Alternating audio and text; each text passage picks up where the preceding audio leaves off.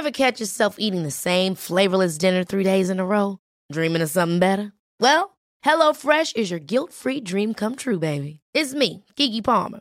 Let's wake up those taste buds with hot, juicy pecan-crusted chicken or garlic butter shrimp scampi. Mm. Hello Fresh. Stop dreaming of all the delicious possibilities and dig in at HelloFresh.com. Let's get this dinner party started.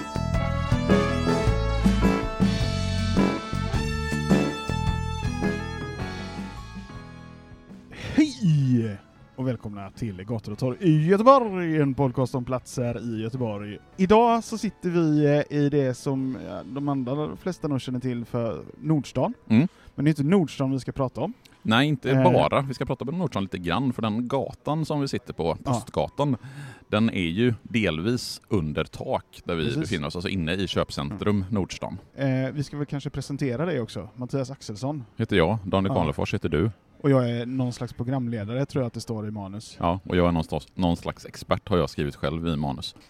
Men som sagt, eh, vad är Postgatan? Ja, Postgatan det är ju en av de första gatorna som fanns när Göteborg grundades redan, så det är ju en gata som någonstans firar 500, eller inte 500, 400 år i år, eh, eller 400 års jubileum nu under Mm. 2020-talet. Den sträcker ju sig från Packhusplatsen där kasinot ligger hela vägen bort till centralstationen. Och det gör att den är en dryg halv kilometer lång. Jag tror jag räknade till 600 meter ungefär när jag tittade på Du Google stegade Maps. förut idag. Ja, jag gjorde en, en sån här mätning på Google Maps, det var det lättaste att göra. Ja. Och tittar man på gatan idag så är ju merparten av gatan så kallad gårdsgata, det vill säga det är ganska begränsad trafik och kommer du på den här sidan av Västra Hamngatan där vi Så befinner du oss, gårdsgata och inte gågata? gårdsgata, det vill säga sådana där bilarna får köra men bilarna får köra långsamt. Det är ju från bland Får annat bilar köra här? Nej, just här inne så är det ju inte gårdsgata, utan här inne får ju bilen inte köra alls, utan här är det ju överdäckat. Så eh, den sista delen av Postgatan, alltså den som går ner till centralstationen, den går ju inne i köpcentrum Nordstan. Eh, ska jag också säga det då att den här historien, lite som vanligt kanske, eller ovanligt, börjar ju såklart med sill. Ja, Och då här, kommer vi in på vad gatan har hetat från början så att säga. ja, att den har hetat Postgatan, det har den inte gjort i mer än drygt hundra år, för när gatan dras fram på den första stadsplanen och de tidigaste kartorna så heter gatan Herringsgatan, i lite olika varianter och lite olika stavningar. Och Herringsgatun som det står här. Ja, det är den tid, 1621 till 39. ja, det är den första stavningen som vi har på de första kartorna. Och herring, det kommer ju från tyska ordet för sill. Och även nederländska och engelska har ju motsvarande Mm. ord för sill. Och på 1600-talet så kallades Göteborgs egna sillfiskefartyg faktiskt för herringsbyssor. Så herring var liksom det gängse ordet som man använde för sill under det tidiga 1600-talet i Göteborg. Och det här ger ju någonstans en vittnesskildring kring holländarnas inflytande och även tyskarnas inflytande på Göteborg i deras liksom första årtionde. Och Göteborg, det var ju en handelsstad redan när staden grundades. Vilket gör att holländare, engelsmän och tyskar hade en stor betydelse i staden. Och det tidigaste Göteborg, alltså Karl IX Göteborg på Hisingen, det har man ju ibland kallat för en ren holländsk koloni. Och det spelar ju sen över på den nygrundade staden som Gustav II Adolf ger stadsprivilegier. Och i den dagliga handeln och ruljansen så var det holländare som dominerade eh, handeln i allmänhet och sillberedningen i synnerhet. Och tyvärr så vet vi inte exakt varför just den här gatan fick namnet Herringsgatan. Men vi vet att sillfisket hade stor betydelse för stans ekonomi redan vid grundandet. Och det, kan, det finns lite olika hypoteser om det där med, med Herringsgatan, Sillgatan. Dels så kan det vara att gatan gick ner till hamnen och att det var i hamnen man lossade och handlade med sill. Det kan också vara så att eh, gatan har fått ett namn från en annan holländsk gata som hette Sillgatan. Men tyvärr så vi vet inte varför just det den inte bara varit en transportled från hamnen till sill till resten av staden? Då? Ja, det skulle kunna vara så enkelt, men vi vet inte med, med säkerhet. Vi tar gladeligen emot hy- hypoteser från eh, glada lyssnare. Ja. Och sen eh, från 1671 ungefär så kallas gatan istället för Sillgatan och det är ju en ren översättning från Herringsgatan då till Sillgatan, vilket den får heta fram till 1800-talets slut. Och även om det varit touchat lite på det så vill vi väl också påminna om dels vår Instagram, där du säkert kommer lägga upp lite bilder, kanske rent av på sillar. Ja. Yes. Och sen såklart eh, Patreon. Det här avsnittet är ju inte Patreon-exklusivt, men gå gärna in och bli månadsgivare ändå för att få Mm. tillgång till de andra Patreon-exklusiva avsnitten på patreon.com gator och torg i Göteborg. One size fits all seemed like a good idea for clothes Nice dress. Uh, it's a it's a t-shirt. until you tried it on. Same goes for your healthcare. That's why United Healthcare offers a variety of flexible, budget friendly coverage for medical, vision, dental, and more. So, whether you're between jobs, coming off a parent's plan, or even missed open enrollment, you can find the plan that fits you best. Find out more about United Healthcare coverage at uh1.com. That's uh1.com. There's never been a faster or easier way to start your weight loss journey than with PlushCare. PlushCare accepts most insurance plans and gives you online access to board-certified physicians who can prescribe FDA-approved weight loss medications like Wigovi and Zepbound for those who qualify.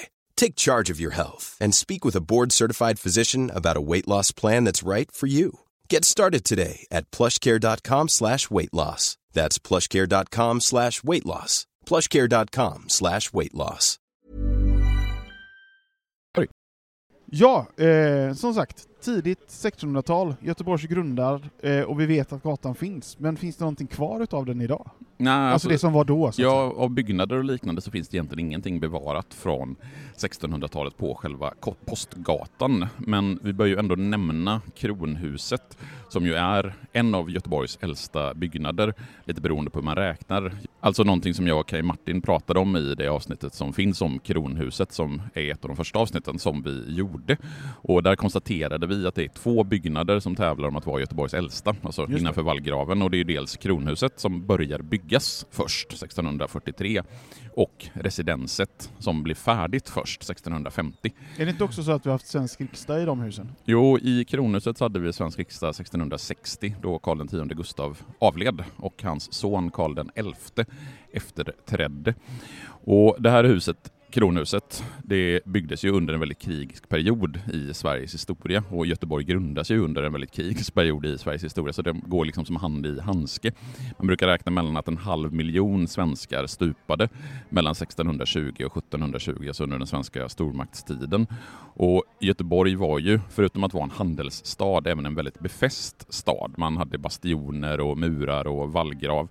Och Kronhuset det byggs ju på den platsen som ligger precis nedanför Kvarnberget, vilket gör att Kronhuset blir en väldigt väl försvarad plats. Men övriga hus som vi har längs med Postgatan, de fanns inte under 1600-talet utan de är ju betydligt mycket yngre än vad Kronhuset är. Och Kronhuset är ju den gata i anslutning till Postgatan som är den äldsta. Mm.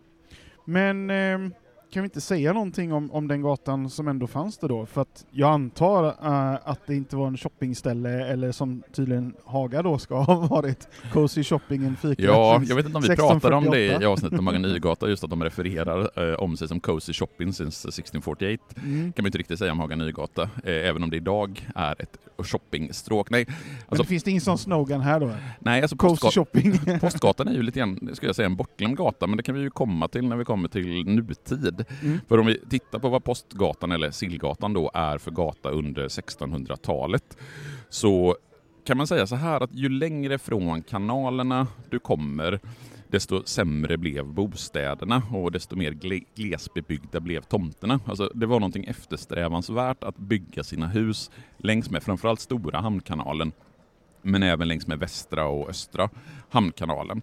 Och ju närmare bergen, ju längre bort från kanalerna du kommer, desto sämre blir husen. Och fattiga människor som bodde innanför vallgraven, de bodde till exempel längs med Sillgatan, men de bodde också i de södra delarna av stan, alltså längs med Vallgatan. Och där låg små, låga trähus som beboddes av fattiga människor. Och de rika husen de låg mot gatan medan de fattigas hus då låg inåt. Vilket gör att Postgatan bör gå att betrakta som under 1600-talet en gata framförallt för fattiga människor. Mm. Men man kanske också måste komma ihåg hur litet rent geografiskt Göteborg var på den här tiden. Ja, alltså Göteborg är ju staden innanför vallgraven. Ja. Plus att du kan räkna Masthugget dit, Ja. eh, som jag och Malin pratade om i senaste avsnittet av Andra Långgatan. Att eh, fattiga människor, de bodde ju framförallt i Haga och Masthugget, men vi hade en del fattiga människor även innanför vallgraven och Mm. de bodde ju oftast längst bort från eh, kanalerna.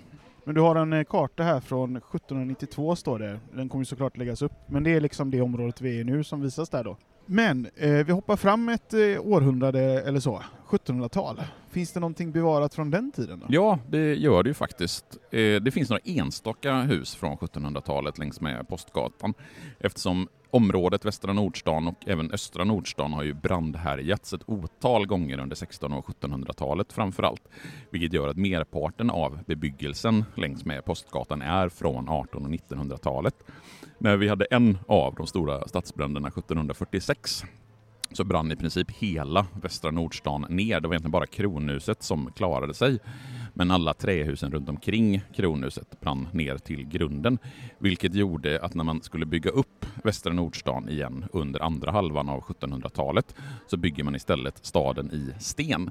Vilket gör att alla de stenhusen som ligger med sin gula färg längs med Postgatan, det vi kallar för kronhusbodarna idag, det är alltså då hus som är byggda mellan 1746 och 1759. Så är det liksom härifrån vi har fått stenstaden, också någon slags evolution i i skydd mot eld. Vi slutar bygga i trä, vi bygger i sten istället. Ja, att man bygger i sten, det är ju framförallt en, eh, för att slippa brandrisken. Men begreppet stenstaden, det kan vi nog snarare datera till sent 1800-tal.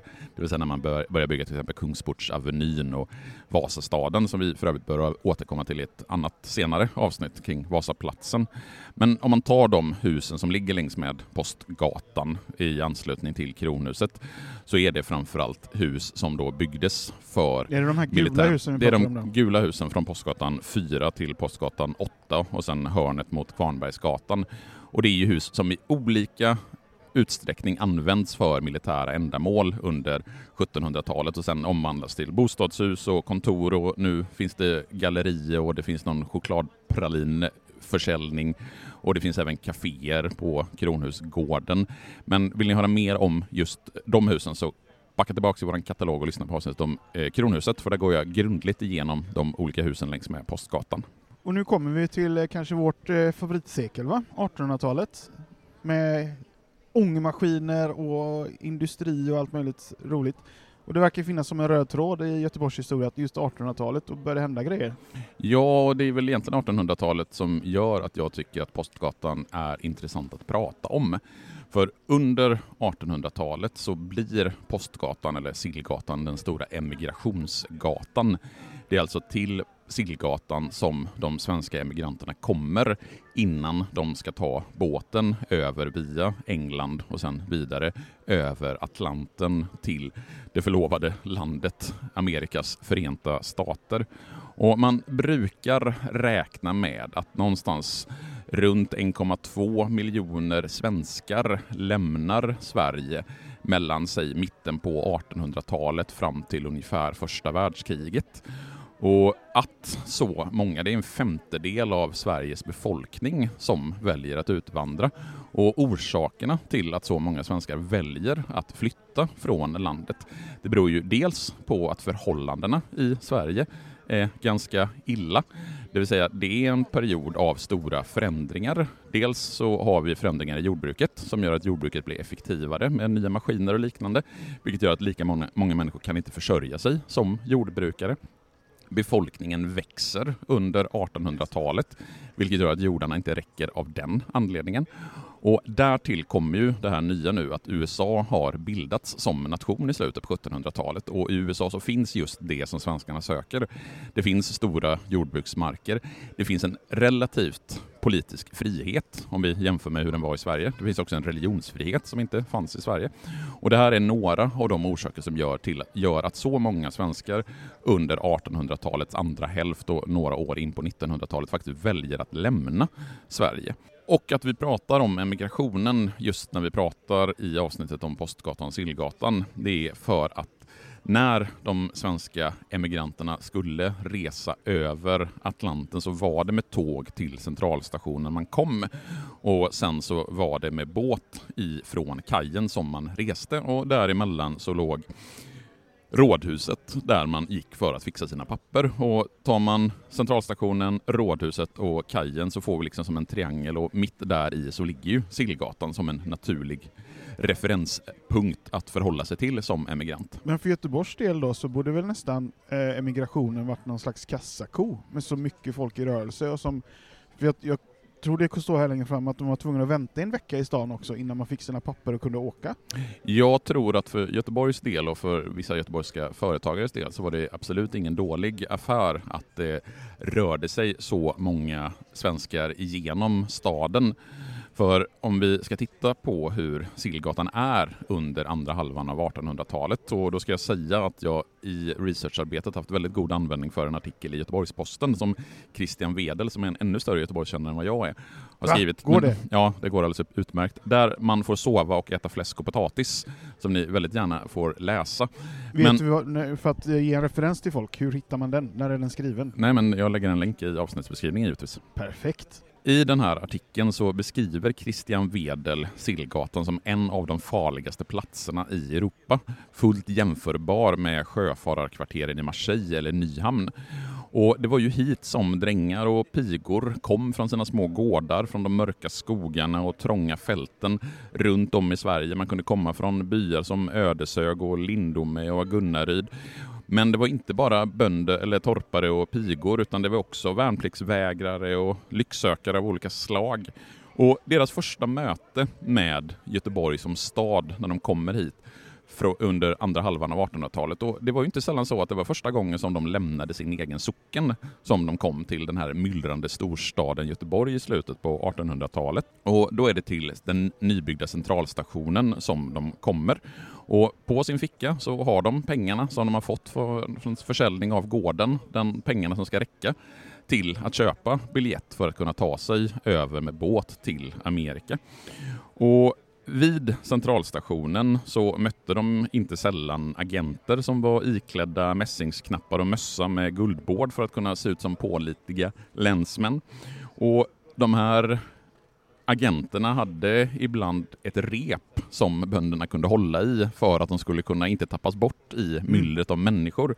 För när man kommer till Göteborg så får man vänta ett par dagar upp till en vecka innan man kan resa vidare till Amerika. För det är ju en del praktiska saker som ska ordnas. Man ska gå till rådhuset och få intyg från polisen, man ska köpa biljett och liknande. Och just det här att emigranterna stannar ett par dagar upp till en vecka i Göteborg gör ju att det längs med Sillgatan växer fram emigrantkontor, brännvinsaffärer, ölcaféer, små hotell. Det finns eh, butiker som har språkkurser. Det finns skräddare och anledningen till att det finns skräddare det är ju för att många av männen och kvinnorna som skulle resa över, de ville möta den nya världen i kostym av modernt snitt. Så under de dagar som emigranter befinner sig på Sillgatan så är de tvungna att spendera en del pengar. Och när sen biljetten är betald, papperna är i ordning, så går man med sin agent ner till hamnen där ångbåtarna väntar. Och de dagar som ångbåtarna lämnade hamnen för att resa över till Hull på Englands östkust för sen vidare transport med tåg till Liverpool på västkusten och där byte till ytterligare en båt som skulle resa i ett par veckor över Atlanten. Och under de här avresedagarna så var det mer eller mindre en folkfest på Postsillgatan. Och som sagt så var det någonstans mellan 1 och 1,2 miljoner svenskar som lämnade Sverige under den här perioden. Och man räknar med att ungefär 80 procent av dem gjorde det via Göteborg. Så det har ju rört sig någonstans runt en miljon emigranter på de här gatorna under andra halvan av 1800-talet och ett par årtionden in på 1900-talet. Eh, men har vi några spår i staden idag från den här perioden med så stor emigration? Ja, det är lite konstigt att vi inte har fler spår av emigrationen eftersom det var då en miljon svenskar lite drygt som lämnade Sverige och som då har vandrat på de här gatorna. Vi har inga minnesmärken eller statyer, inte vad jag känner till i alla Men fall. den här båten vi pratade om Ja, den är ju. Delaware-monumentet. Ja. Den har ju, det är ju Sveriges kolonier på 1600-talet, Ja, så det är egentligen inte alls med emigrationen att göra. Däremot så ligger ju emigranternas hus vid Packhusplatsen, alltså samma hus som kasinot. Sen finns det ju faktiskt på Postgatan 1, alltså det första huset på Postgatan, ett gammalt hotell som användes för emigranter under slutet på 1800 början på 1900-talet. Jag tror att huset är byggt 1898 och sen 1910 så tar hotellaktiebolaget Hembygden som drivs av Nationalföreningen mot emigrationen över huset. Och syftet med att de tar över huset och eh, gör eh, hotell av det, det är för att bereda åt emigranterna och immigranterna som passerar Göteborg sund och trygg bostad för skäligt pris. Finns det någonstans i Sverige där vi har minnesmärken över emigrationen? Eller kan det vara så att vi kanske lite skäms över det? Jag tror att det är en period som vi kanske inte minns med så stor stolthet, för det var ju ändå att en miljon svenskar lämnade Sverige för att det var så dåligt Ja. i Sverige. Så kanske inte är någonting som man riktigt, framförallt under 1900-talet, vill eh, minnas tillbaka på som så liksom med, med säger man, ljusa minnen. Förstår. Och som vanligt, då hoppar vi ungefär 100 år framåt igen då, eller ja, vi har redan varit lite inne på det, men vad hände här under 1900-talet och fram tills idag kanske? Ja, emigrationen börjar ju avta i och med att första världskriget börjar, vilket gör att det blir svårare att resa rent konkret. Dessutom inför USA starkare regleringar. Det blir successivt bättre i Sverige också, vilket gör att incitamenten för svenskar att flytta blir mindre, vilket gör att Postgatan, som den nu heter från slutet av 1800-talet, inte längre blir en emigrationsgata. Jag Och- tror inte du har sagt någonting om det, men varför blir det Postgatan? Ja, det beror på att eh, ett antal köpmän med verksamhet längs med Sillgatan tyckte att Sillgatan hade så dåligt rykte och att Sillgatans namn inte liksom var representativt. Så de la fram ett förslag inför drätselkammaren, som alltså motsvarar ungefär kommunstyrelsen, om att byta namn. Och då hade man förslag på Börsgatan, för att den ligger i anslutning till börsen. Även Järnvägsgatan var ett förslag. Eh, men sen så kommer drätselkammaren fram till förslaget Postgatan, just eftersom posthuset byggdes 1873 vid Packhusplatsen. Men även om man byter namn från Sillgatan till Postgatan så finns ryktet, det dåliga ryktet om området fortfarande kvar. Och 1923 så kunde man beskriva Nordstan i allmänhet och Postgatan i synnerhet som ingen vacker stadsdel och ingenstädes får man en rikare provkarta på vagabondtyperna än här. Bondfångare, klockskojare, supare, lättingar och föredettingar. Och det är från Fredbergs Det gamla Göteborg, återigen som jag citerar, som jag brukar använda mig som citatmaskin i Alltså- den här podden. Alltså, man, man måste ju verkligen ändå i någon mening uppskatta hur man formulerade sig för, för några år sedan. För hundra år sedan, ja. Sen går det ganska fort, för 1930 så har en annan Göteborgsskildrare beskrivit att det har bitvis blivit riktigt gemytligt med doften från Kronans kafferosteri och Vikstens lilla fabrik för maränger, munkar och kokosbollar. Så någonstans här under säg 1930-1940-talet så får området successivt bättre rykte. Däremot så den delen där vi befinner oss, alltså den östra delen av Postgatan, dras ju med med dåligt rykte även in under tiden efter andra världskriget. För när vi kommer in i perioden från säg 1945-1950 så går vi ju in i rekordåren i Sverige. Och en av de viktiga stadsförändringarna som sker i många svenska städer under den här perioden, det är de så kallade citysaneringarna eller rivningsraseriet som det ibland kallas, där man mer eller mindre jämnar hela stadsdelar med marken och bygger nytt. Vi har ju jättemånga exempel på hur man har slått upp stora domuslador i både den ena och den andra svenska staden. Och det område här i Göteborg som drabbas hårdast av de här citysaneringarna, det är ju just östra Nordstan. För om vi tittar 1960 så består östra Nordstan av 90 fastigheter och merparten av de 90 fastigheterna det är stenhus. För oftast i tre våningar och de allra flesta byggda under 1800-talets senare hälft. Merparten av ytan i de här fastigheterna det var olika typer av småindustrier, lagerlokaler, agenturer, hotell och liknande. Det var bara 5% av ytan som utgjordes av bostadshus. Men finns det några bilder på det här? Det finns oerhört mycket bilder från den här perioden. För det låter ju väldigt annorlunda ut från hur det är idag. Du skulle inte känna igen dig Nej. om du kom till Östra Nordstan i, eh, säg 1960 eller tidigare. Och jag kommer att lägga upp flertalet av de bilderna. Det finns fantastiskt fina bilder, framförallt från gamla ölcaféer som låg här på Postgatan med, gamla, med fina ölgubbsoriginal som sitter. Och även husen och kvarteren är ju helt annorlunda.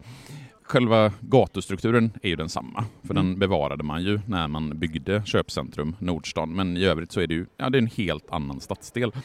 För det som händer under slutet av 1950 och början av 1960 det är ju att Göteborgs kommun satsar sin tid och sina pengar framförallt på att bygga i förorterna.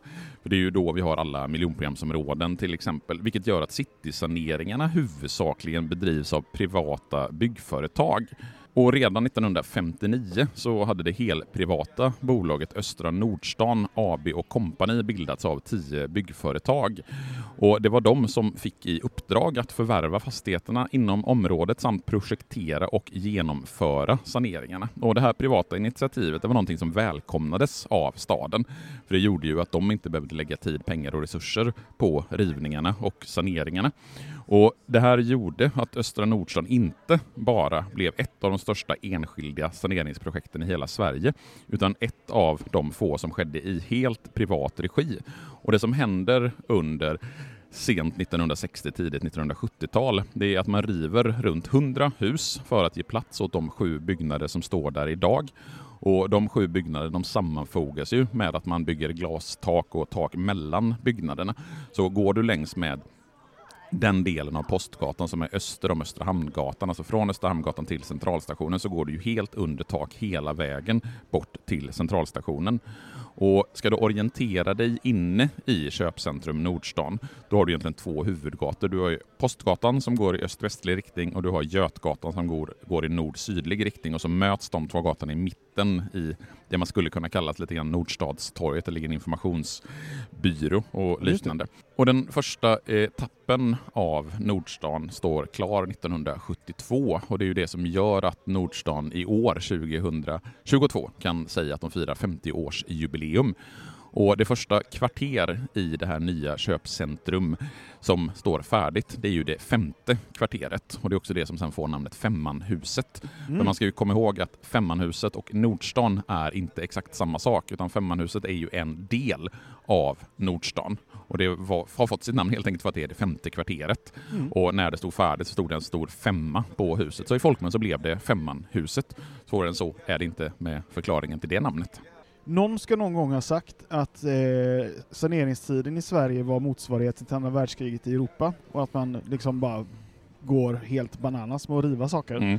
Eh, så jag antar att det är mer saker som försvinner under den här perioden. Ja, om vi ska titta specifikt på det område där vi befinner oss, alltså längs med Postgatan, så är det väl framförallt kvarteret Traktören som det kallas, alltså det kvarteret som omgärdas av Postgatan i norr eh, och sen Tygårdsgatan, Torggatan och Köpmansgatan på ömse sidor.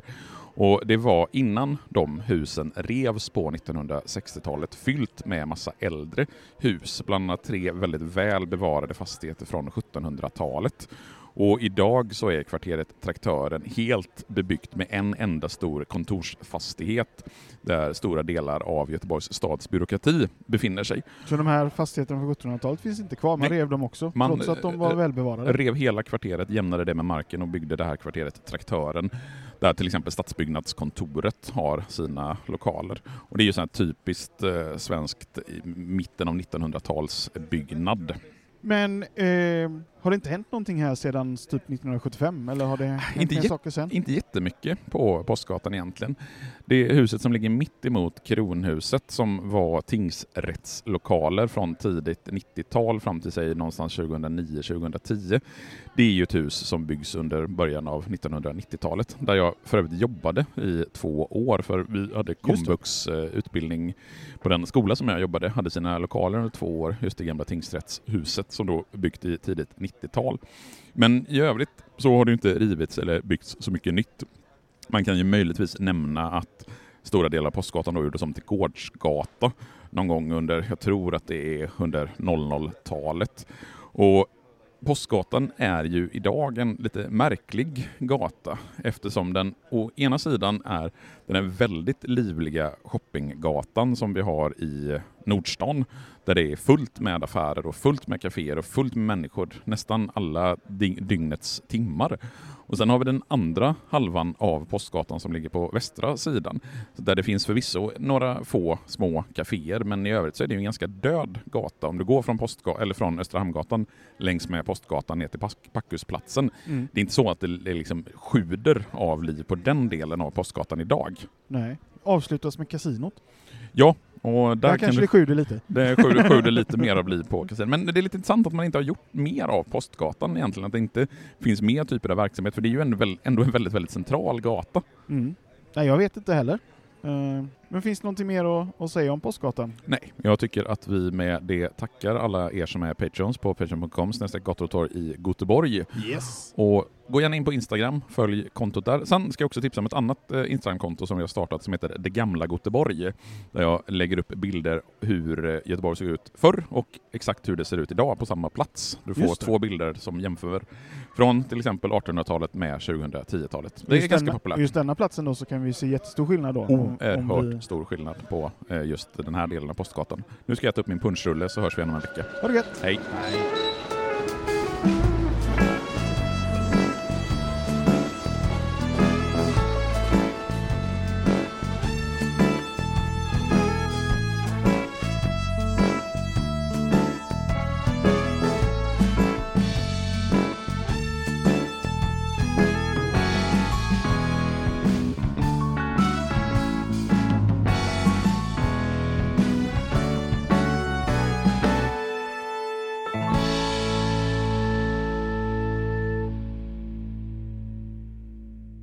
Gator och torg i Göteborg produceras av Reostat Media AB.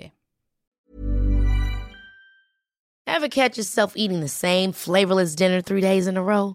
Dreaming of something better? Well, hello fresh is your guilt free dream come true baby. It's me, Gigi Palmer. Let's wake up those taste buds with hot juicy pecan crusted chicken or garlic butter shrimp scampi. Mm. Hello Fresh. Stop dreaming of all the delicious possibilities and dig in at HelloFresh.com. Let's get this dinner party started.